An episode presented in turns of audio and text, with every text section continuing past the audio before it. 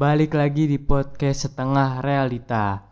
Ternyata capek hati itu sama rasanya kayak capek abis lari ngelilingin ring road 100 kali. Wah, tuh kalau lo yang pernah tinggal di Jogja pasti tahu tuh ring road segimana kalau lari satu keliling aja udah buset deh pasti capek banget. Gua aja belum pernah ngelilingin tuh ring road. Niat nih ngelilingin ring road pakai motor aja dah belum pernah. Apalagi lari. Begitu rasa capeknya capek hati ya. Gue rasa dulu pas kecil gak ngerti lah tuh ya namanya rasa capek hati tuh kayak gimana.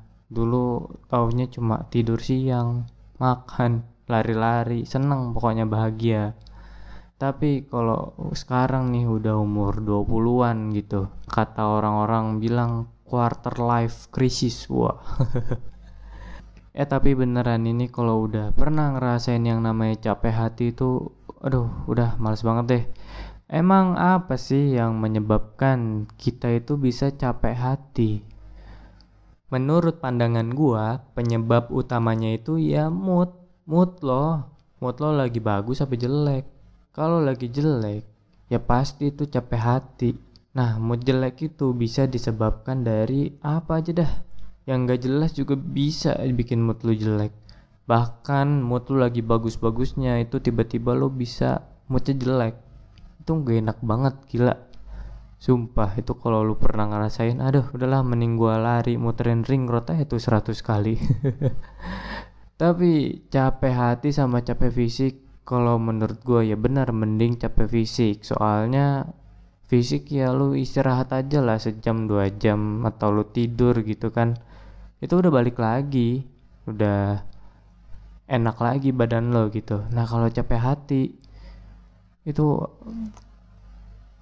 kan kita berinteraksi ya sama manusia. Itu kalau capek hati tuh nggak kelihatan gitu kalau lagi capek nah itu lo harus kayak pinter-pinter nutupin kalau lo tuh lagi nggak kenapa-napa. Itu yang bikin susah kalau lo lagi capek hati.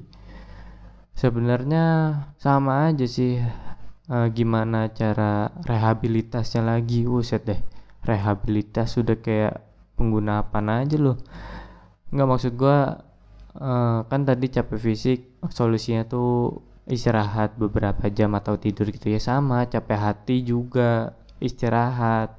Kayak untuk sebagian orang dan termasuk gue juga kalau misalnya capek hati tuh gue mending diem.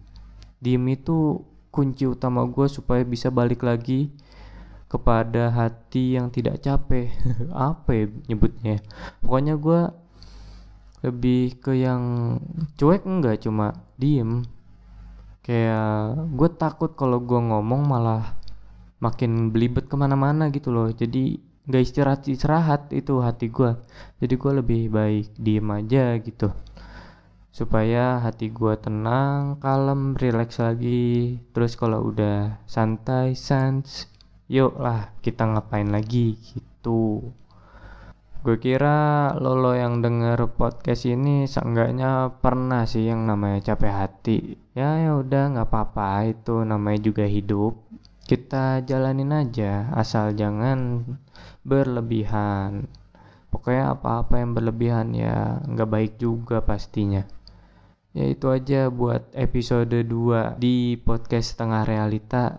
Tungguin lagi di next next episode bakal bahas apa lagi ya. See you.